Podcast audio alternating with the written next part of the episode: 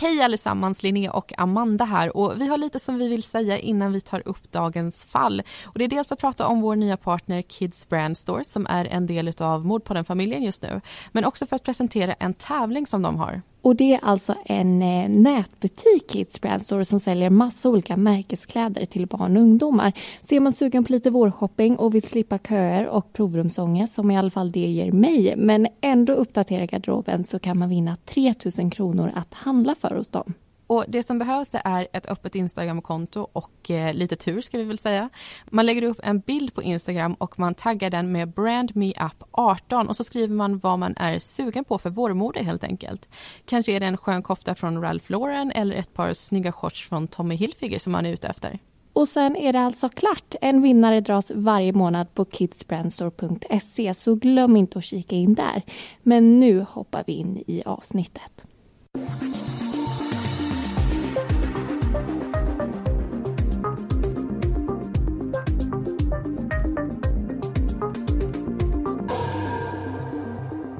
En natt 2004, då juli övergår till augusti, pågår en tillställning som heter Daldansen i Hedemora.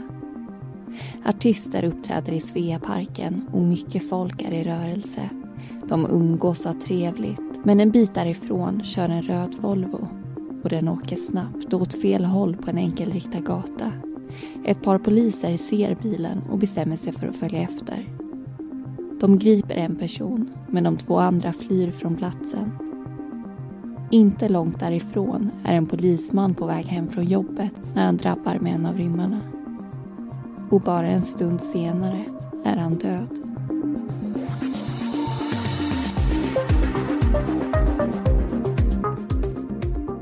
Du lyssnar på Mordpodden och i säsong 6 tar vi upp fall från Dalarna i veckans avsnitt ska du föra berättelsen om polismordet.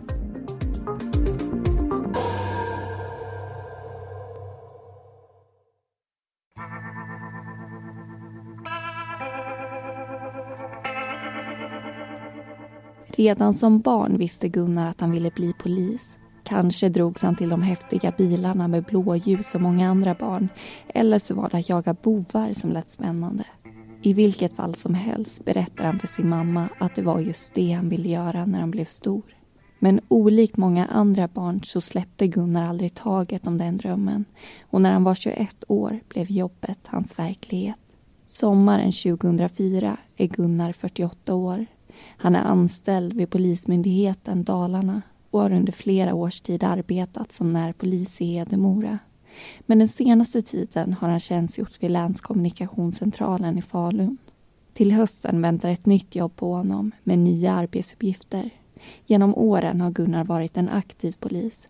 Han har haft en hand med i många olika projekt. Ungdomar och droger är två ämnen han brinner särskilt för och kollegorna beskriver honom som engagerad och ambitiös.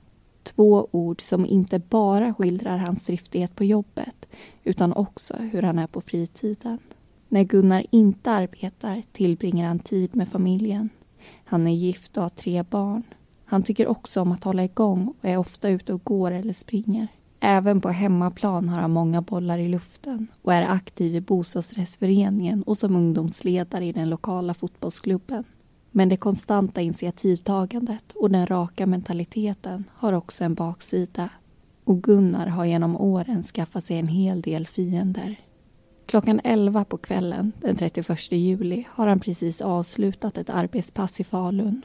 Han hoppar in i bilen och svänger ut på vägen som går mot Hedemora. När Gunnar är framme vid polishuset på orten parkerar han bilen och går in i byggnaden. Efter ett kort besök kliver han ut i sommarnatten igen och börjar promenera hemåt. Hans lägenhet ligger bara några hundra meter därifrån. Han är klädd i mörka byxor och en mörk pikétröja på vänster sida av bröstet finns ett emblem med texten polis. Över det har han en jeansjacka och i handen en vit plastpåse som innehåller ett par tomma matlådor. Sveaparken, några hundra meter därifrån, pågår evenemanget Daldansen. Folk umgås och har det trevligt tillsammans medan de lyssnar till de olika artisterna som uppträder. Men det är inte bara frid och fröjd. Två poliser har precis lagt märke till en röd Volvo som kör snabbt och i fel riktning på en enkelriktad gata. De börjar följa efter den röda bilen som nu accelererar för att komma undan. Vid ett övergångsställe är de nära att köra på ett par och kort därpå försvinner baklyktorna runt ett gathörn. När poliserna kommer ikapp ser de det numera parkerade fordonet och kan gripa den unge man som kört. Men han var inte ensam i bilen och två personer har redan dragit därifrån. Ett par minuter senare är en kvinna på väg hem från daldansen tillsammans med sina och hennes systers barn. Hon ser hur två mörka figurer står mitt emot varandra på en innergård. En plastpåse slängs åt sidan och snart ligger den ena personen på marken samtidigt som den andra böjer sig över denne. Hon hinner inte se några slag eller sparkar men förstår att det är ett slagsmål som brutit ut. Barnen har hunnit gå ifrån henne och hon ser till att komma ikapp samtidigt som hon tittar sig omkring efter någon som kan hjälpa. När hon inte hittar det hon söker hoppar hon in i bilen tillsammans med de fem barnen och kör efter hjälp. På en annan plats i Hedemora är två personer ute och går. De tillhör nätverket Nattvandrarna och ska ta en sista runda på stan innan de drar hem. Plötsligt ser de en bil som stannar till och en skärrad kvinna som ropar på dem. Hon berättar att hon just iakttagit ett slagsmål eller en misshandel och behöver hjälp. De tre personerna beger sig mot innergården och börjar leta efter någon skadad. Det är mörkt trots att det är sommar och först hittar de ingenting. Men så ser de en man som ligger utsträckt på asfalten och skyndar sig fram. Mannen ligger på mage och vid fötterna finns en vit plastpåse. Den ena nattvandraren hukar sig ner för att bilda sig en uppfattning om läget. Han kan inte utläsa några livstecken. De tar fram en ficklampa och lyser mot den stilla figuren på marken. Det är blod överallt och mannen är illa tilltygad. De ringer till både SOS Alarm och Röda Korset. Strax därefter dyker några från Röda Korset upp och vänder mannen så han ligger på rygg. Jackan skjuts undan för att påbörja hjärt och lungräddning och då ser de allesammans texten på mannens tröja. På vänster bröst står det polis.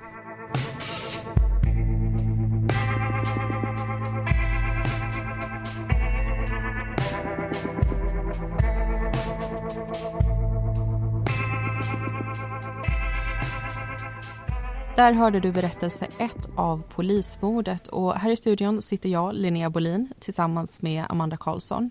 Och vi ska ju prata rätt så mycket om just eh, poliser i den här diskussionen. Ja, det ska vi. De är ju en central del i varje avsnitt som vi tar upp. Och det finns mycket man kan diskutera när det kommer just till deras jobb och de faror som det kan innebära. Och för mig så är poliser riktiga hjältar faktiskt. Och jag tror många håller med mig i det. Och tack vare att vi har jobbat med den här podden nu ett tag som vi faktiskt har gjort så känner jag att jag har lärt mig väldigt mycket om vad deras jobb går ut på. Och på något sätt så förknippar jag dem nu mycket med just rättvisa. Jag kan hålla med. Jag har också en väldigt stor respekt för poliser och just för det här arbetet som du beskriver. Men på många sätt så tycker jag också att det är som vilket arbete som helst. Alla gånger så är de ju inte ute och räddar någons liv eller släcker bränder höll jag på att säga, men det är ett annat yrke. Men samtidigt så tycker jag att det är viktigt att också se poliser som människor också, att inte bara se den här uniformen och lyfta dem till skyarna eller tycka precis tvärtom, utan de är människor precis som du och jag är människor. De är pappor, de är mammor, de gör rätt och de gör fel och det är bara mänskligt. Och lika säker som jag är på att det är många poliser som är väldigt bra och väldigt duktiga på sitt jobb så är jag säker på att det finns människor som också utnyttjar sin position och inte gör ett bra jobb. Och det har pratats en hel del om just polisyrket i stort de senaste åren. Många har ju hoppat av yrket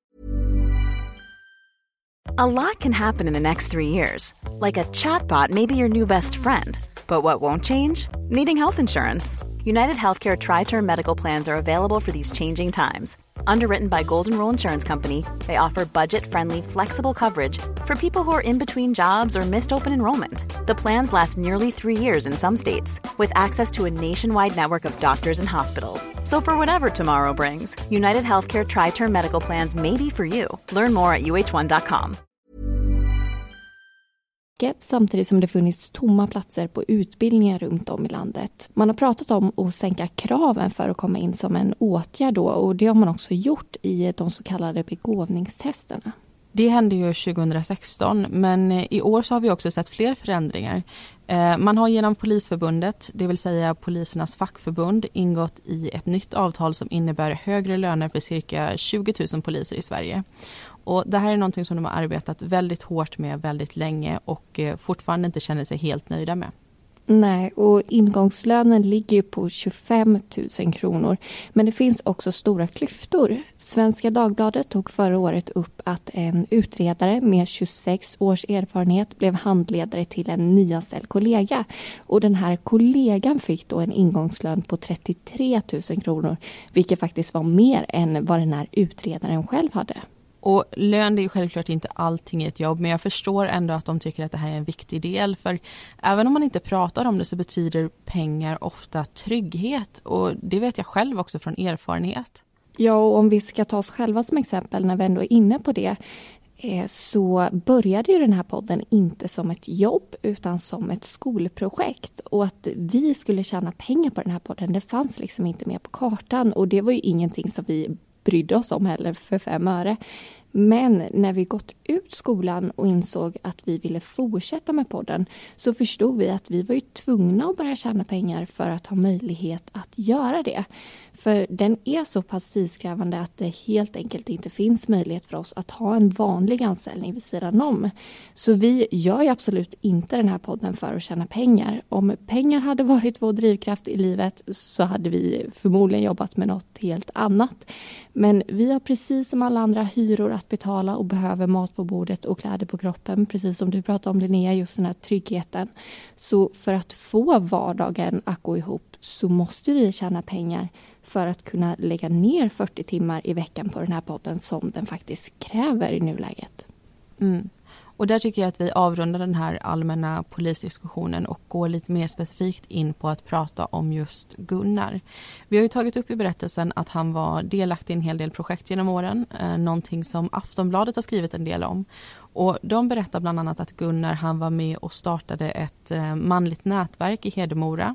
Det handlade om att hjälpa ungdomar ta ansvar för sig själva och ta ansvar för sina liv, att eh, våga vara vuxen. Och det projektet fick de också ett jämställdhetspris för av Hedemoras kommun. Men det var inte det enda projektet han var aktiv i. Aftonbladet tar också upp en kampanj mot rattfylla som hette Hedemora blåset kör grönt och Våga-projektet som riktade sig till högstadieelever som då skulle våga säga nej till droger. Och det här Våga-projektet är faktiskt någonting som jag själv känner igen som vi hade när jag gick på högstadiet och det var någonting som jag uppskattade mycket. Och vi ska gå in i berättelse två nu som kommer att eh, backa bandet lite den här kvällen när allting går fel. Men vi ska också se det utifrån en annan persons perspektiv.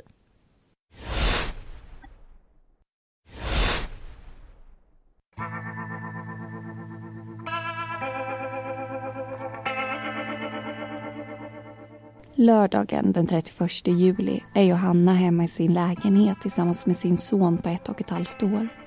Hon och barnets pappa har separerat och situationen är tidvis väldigt jobbig. Under kvällen slår svartsjukan till och hon börjar undra om pappan är hemma eller inte. Kanske är han ute på daldansen eller tillsammans med någon annan tjej. Den gnagande känslan vill inte lägga sig och hon bestämmer sig för att ringa sin vän Alexandra och se om hon kan komma över. Strax efter klockan tio på kvällen dyker Alexandra upp i sällskap med två unga män. Den ena känner Johanna direkt igen som Elias. En person hon lärde känna när de var mellan 15 och 17 år men som hon inte sett på några år nu. Han är också Alexandras före detta pojkvän men nu för tiden är de bara vänner. Den andra mannen heter Robin och är en vän till Elias. Honom har Johanna aldrig träffat förut. När de kliver in genom dörren känner Johanna att Elias luktar sprit. Han är full, men på gott humör. Medan Alexandra och Elias gör sig hemmastadda skjutsar Robin Johanna till hennes före dettas bostad. När de kommer hem igen slår de sig ner vid de andra och pratar och röker. Strax innan midnatt bestämmer de sig för att dra därifrån och Johanna börjar göra sig i ordning för sängen samtidigt som de andra hoppar in i en röd Volvo och kör iväg. Precis när hon gått och lagt sig hör hon att någon slår mot balkongen.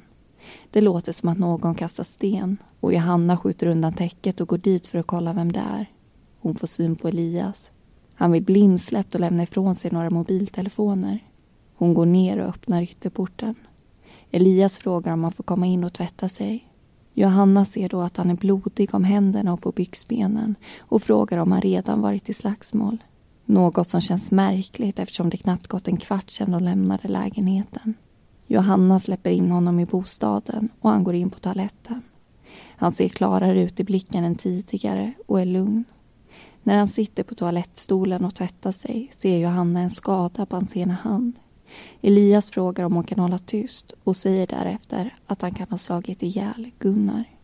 Johanna förstår inte vad eller vem han menar och Elias förtydligar. Gunnar. Polisen Gunnar. 15 minuter tidigare lämnar sällskapet Johannas lägenhet i den röda Volvon. De ska skjutsa hem Alexandra till sitt. Men innan de hinner dit råkar Robin köra in på en enkelriktad gata. En polis ser vad som händer och börjar följa efter ekipaget. Robin får panik och trycker hårdare på gasen. Han lyckas till slut svänga runt ett gathörn och bli av med blåljusen. Där parkerar de bilen och ger sig iväg i olika riktningar. Alexandra börjar promenera hemåt och Elias hoppar över ett staket och in på en innergård. Robin hinner en bit därifrån när han inser att han glömt något i bilen och ger sig tillbaka för att hämta det. Då dyker polisen upp och Robin grips. En bit därifrån står Elias och ser det som händer. Han befinner sig på en mörk innergård och känner hur byxorna börjar hasa ner. Tidigare under dagen har han varit och hämtat ett par mobiltelefoner och det är nu de som tynger ner hans byxor. Han drar upp dem och håller på att knäppa bältet när en man tar tag i honom lite lätt bakifrån. Mannen säger att han inte får stå där och pissa. Elias blir rädd. Han hade inte hört någon närma sig.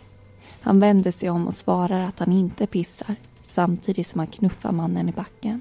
Mannen säger åt Elias att han inte skulle ha gjort så och reser sig upp och börjar veva med en plastpåse han har i handen. Påsen och dess innehåll träffar Elias i ansiktet och då släpper alla spärrar. Han blir vansinnig och får tunnelseende sliter påsen ur mannens hand och börjar rikta slag mot hans huvud och ansikte. Det är en oerhörd kraft bakom slagen och snart ligger mannen på backen. Men Elias slutar inte. Han fortsätter att slå tills det gör ont i handen. Då övergår han till att sparka. Det hela tar bara någon minut och slutar när Elias hör att det kommer konstiga ljud från mannen på backen. Det är mörkt. Den enda belysningen är en lampa intill lägenhetsporten. Elias hukar sig ner och söker efter livstecken. Han känner en kraftig puls och tycker att det ser ut som att mannen får något typ av anfall. Ur ena bröstfickan ser han hur en plånbok sticker upp och bestämmer sig för att ta den. Han hör att några personer närmar sig och blir rädd och sticker därifrån. Medveten om att mannen han slagit förmodligen fått allvarliga skador och behöver hjälp. Elias springer fram till en gatlykta där han stannar upp och öppnar plånboken. När han ser namnet på körkortet känner han igen det. Mannen han misshandlat är polis.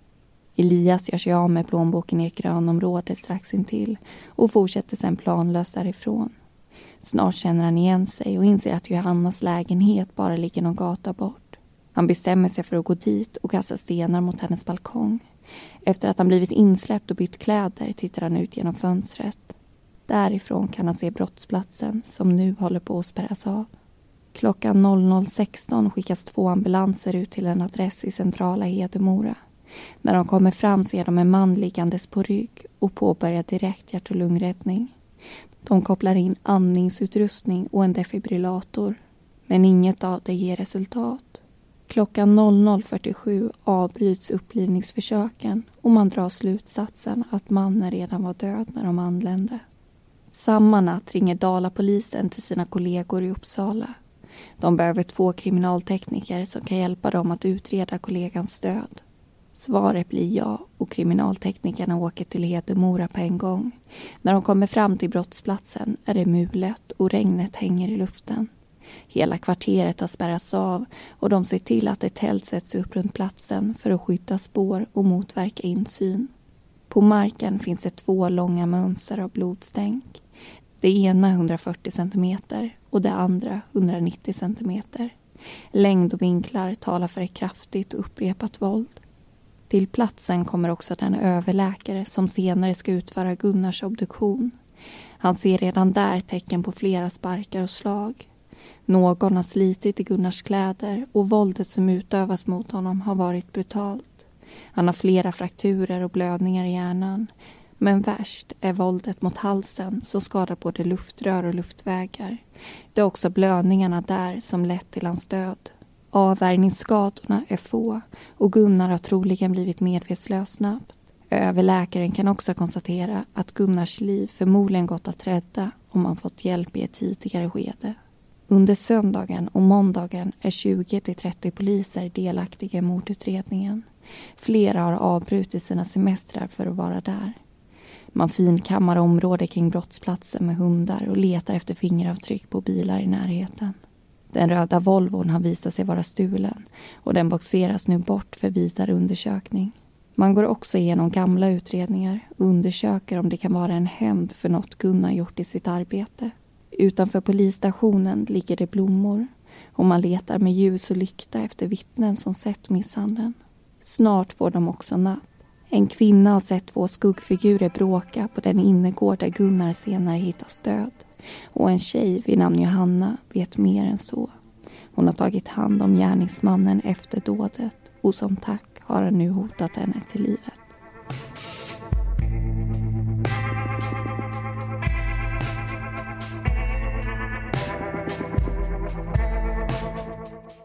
Du lyssnar på Mordpodden. I säsong 6 tar vi upp fall som har skett i Dalarna.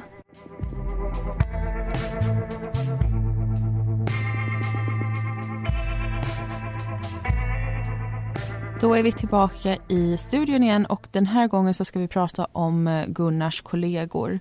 Och jag kan bara gissa mig till hur det måste ha varit för dem att ta emot det här samtalet att en man som de har jobbat med i flera år har mördats och sen vara med och utreda hans död. Mm, och vi kan börja med att ta upp att Dalapolisen väljer att få hjälp utifrån väldigt snabbt. Det är exempelvis väktare som övervakar den här brottsplatsen och som vi hörde i berättelsen så skickar man också efter kriminaltekniker från Uppsala. Och flera kollegor avbryter frivilligt sina semestrar för att hjälpa till och det kan man ju förstå. Och utöver det så kallas extra personal in från Gävle och Rikskriminalen skickar också upp folk så det är alltså många, många, många som hjälps åt i det här. Mm. Och till en början så arbetar man ju alltså utifrån den här teorin att gärningspersonen visste att Gunnar var polis. Men sen så tar ju Johanna kontakt med polisen och hon berättar om Elias och hon berättar om den här kvällen. Och vi ska inte hoppa händelserna allt för mycket i förväg tycker jag inte, men vi kan ju avslöja att hennes vittnesmål, det kommer ju inte stämma överens med det som Elias senare lämnar. Nej, och det handlar då inte om de delar som rör mordet på Gunnar eller vad Elias berättar för henne om det, utan det som skiljer sig det är vad som händer i lägenheten efteråt mellan Johanna och Elias. Hon berättar att han hotar henne till livet och att hon hjälper honom genom tvång medan Elias säger att hon hjälpte honom av fri vilja. Och det kanske kan tyckas som en liten del i det stora hela att Johanna kanske inte tog de bästa besluten i det här skedet. Men problemet om hon ljuger det är ju att polisen då måste börja tvivla på allting som hon säger. Och vem som man väljer att tro på i slutändan det hör vi ju lite senare. Men i vilket fall som så ges ju Johanna skyddat boende på en hemlig ort. Hon separeras ifrån sin familj, hon separeras ifrån sina vänner och hon får träffa en psykolog på grund av att hon mår så dåligt när allt det här är över. Och man kan ju undra vem som vill ha den typen av liv om de fick bestämma själva. Troligtvis inte Johanna.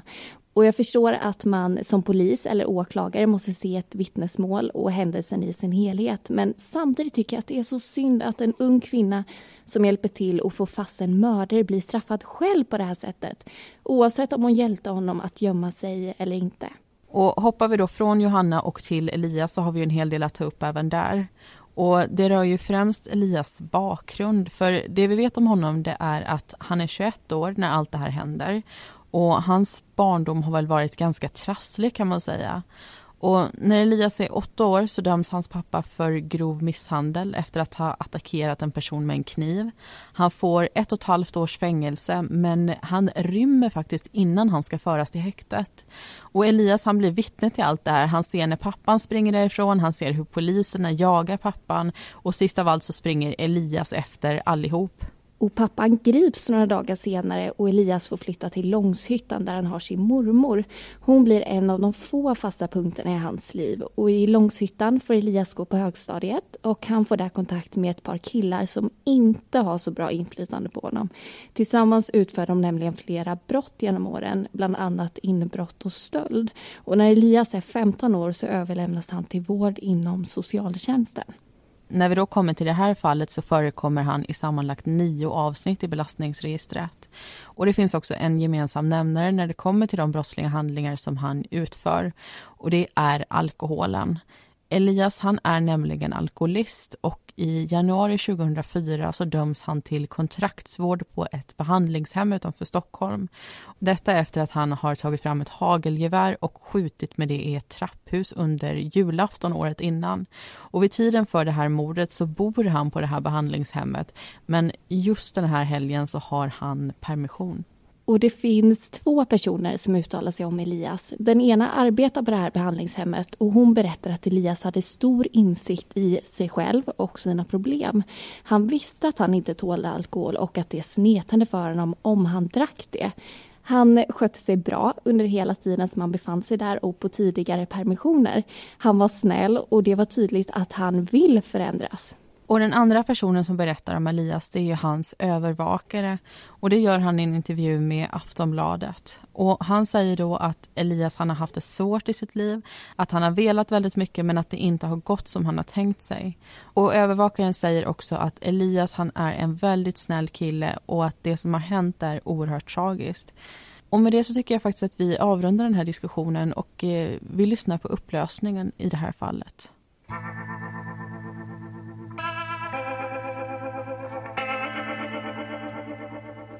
Tisdagen den 3 augusti grips Elias utanför Stockholm. Han delges misstanke för mordet på Gunnar och plockas in till förhör. Under onsdagen och torsdagen pratar man med honom om det som hänt. Till en början nekar han till brottet men efter en överläggning med sin advokat kommer ett erkännande. Han berättar att det inte rör sig om något planerat dåd. Han är alkoholist och kan bli fruktansvärt aggressiv när han dricker. Det var just det som hade hänt den här kvällen. Under de månader som Elias befunnit sig på behandlingshemmet hade han börjat må bättre. Han fick där prata med psykolog och följa en specifik behandlingsplan. Han skötte sig och det lönade sig. Torsdagen den 29 juli påbörjade Elias sin senaste permission från behandlingshemmet. De två tidigare hade han klarat av utan problem och den nuvarande var obevakad och skulle vara ända fram till söndagen den 1 augusti. Innan han lämnade boendet hade han fått en extra dos av antabus. Ett läkemedel han behandlades med två gånger i veckan och som skulle hjälpa honom vänja sig av med alkoholberoendet. Head over to Hulu this March where our new shows and movies will keep you streaming all month long. Catch the acclaimed movie All of us strangers starring Paul Mescal and Andrew Scott. Stream the new Hulu Original Limited series, We Were the Lucky Ones, with Joey King and Logan Lerman. And don't forget about Grey's Anatomy. Every Grey's episode ever is now streaming on Hulu. So, what are you waiting for? Go stream something new on Hulu. Det var också en extra försäkring på att han inte skulle dricka under permissionen eftersom läkemedlet kan ge riktigt obehagliga symptom om man förtär alkohol. Dunkande huvudvärk, hjärtklappning, illamående, rodnad och en känsla av annöd. Men för en alkoholist är det lättare sagt än gjort att undvika alkohol. Även om man vet att det innebär ett starkt obehag. Och när Elias kom till en fest i Långshyttan den kvällen så kunde han inte låta bli att ta en öl. När han väl börjat kunde han inte sluta och en öl blev till flera. Han fortsatte att dricka under fredagen och lördagen trots att han mådde dåligt och fick stark ångest. Men det var först under söndagen som allt spårade ur. När en knuff på en mörk innergård fick spärrarna släppa och Elias att ta ut sina frustrationer på en 48-årig polis. När Elias berättat allt för poliserna skäms han samtidigt som han känner sig lättad.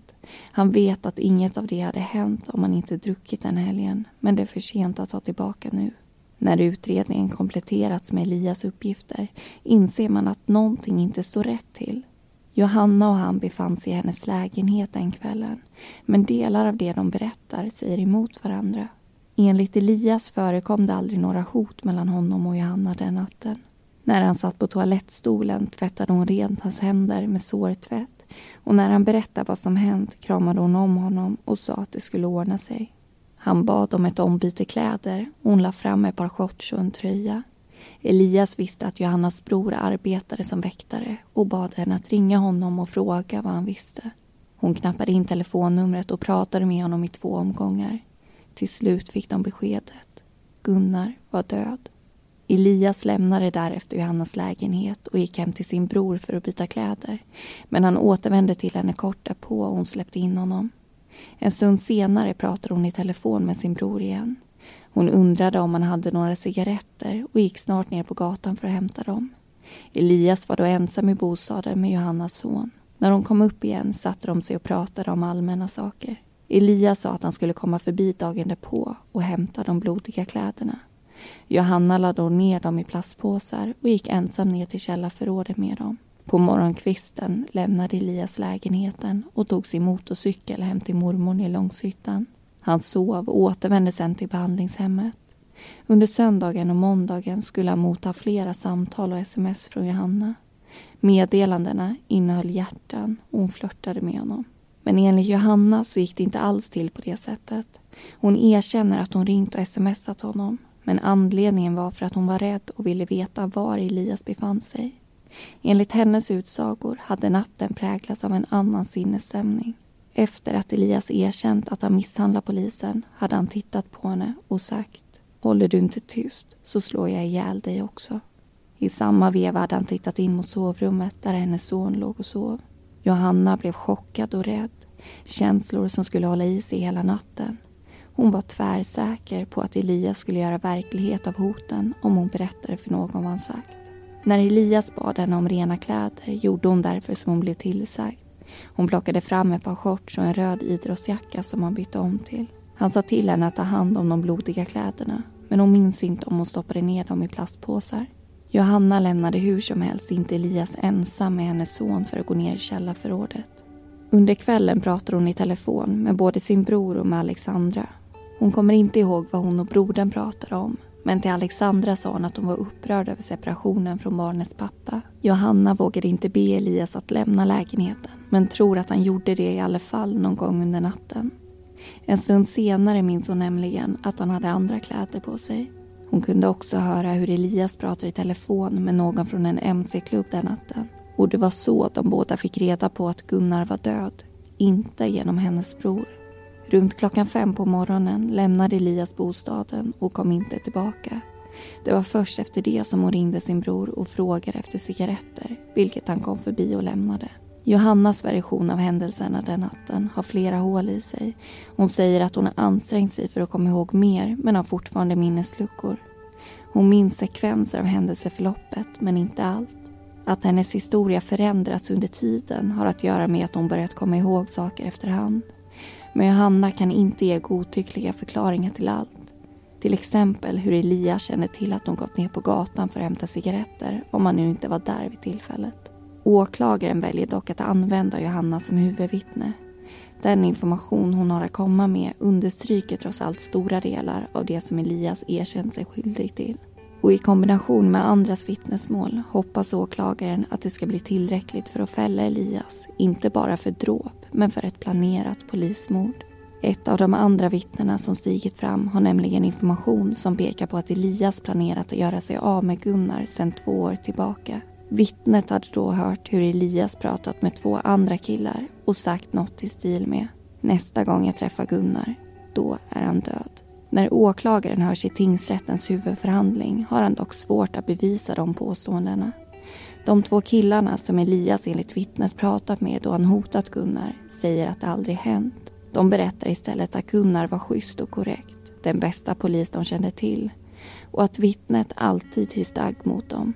Åklagaren går över till att försöka bevisa att Elias kanske inte planerat mötet med Gunnar men att han tog vara på situationen då han listade ut vem han mött på innergården. För att bevisa det pratar man med ambulansförare, nattvandrare och andra som kommit till platsen efter misshandeln. De får vittna om hur upplyst det var, om det skulle gå att se vem som stod framför en om man befann sig där. Men vittnesmålen drar i olika riktningar.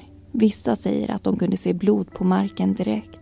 Andra att det var väldigt mörkt och endast fanns en lampa intill husfasaden. För att se något mer än skuggfigurer använder de en ficklampa. Åklagaren vill också att de berättar om sina iakttagelser vad gäller jeansjackan. Var den knäppt eller öppen? Kunde man se texten polis? Även där delas åsikterna. En säger att jackan var knäppt med minst fyra knappar. Några andra att den var öppen. Ingen kunde dock se texten polis förrän de vek den åt sidan för att påbörja räddningsförsöken.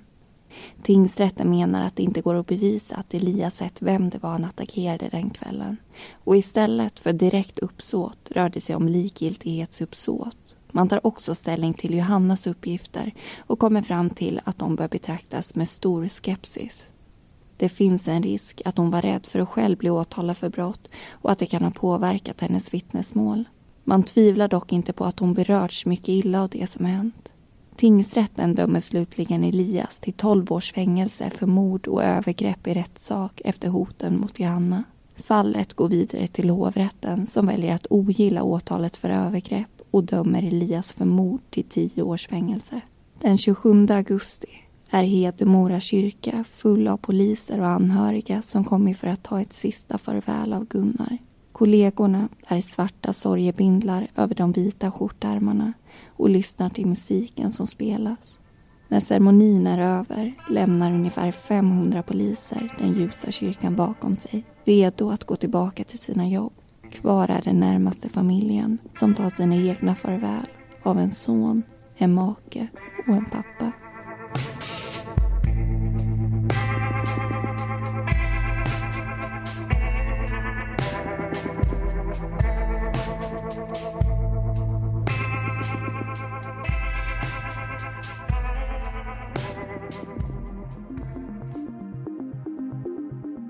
För att du lyssnat på Polismordet. Alla heter egentligen något annat och informationen är hämtad ifrån domarna i fallet och artiklar från Aftonbladet, Dalarna Tidningar och Expressen.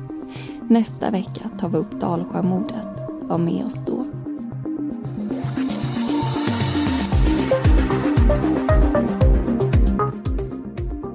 Du har lyssnat på Mordpodden. Vi som producerar den heter Amanda Karlsson och Linnea Bolin. Bakgrundsmusiken var bland annat Deep Space av Audionautics.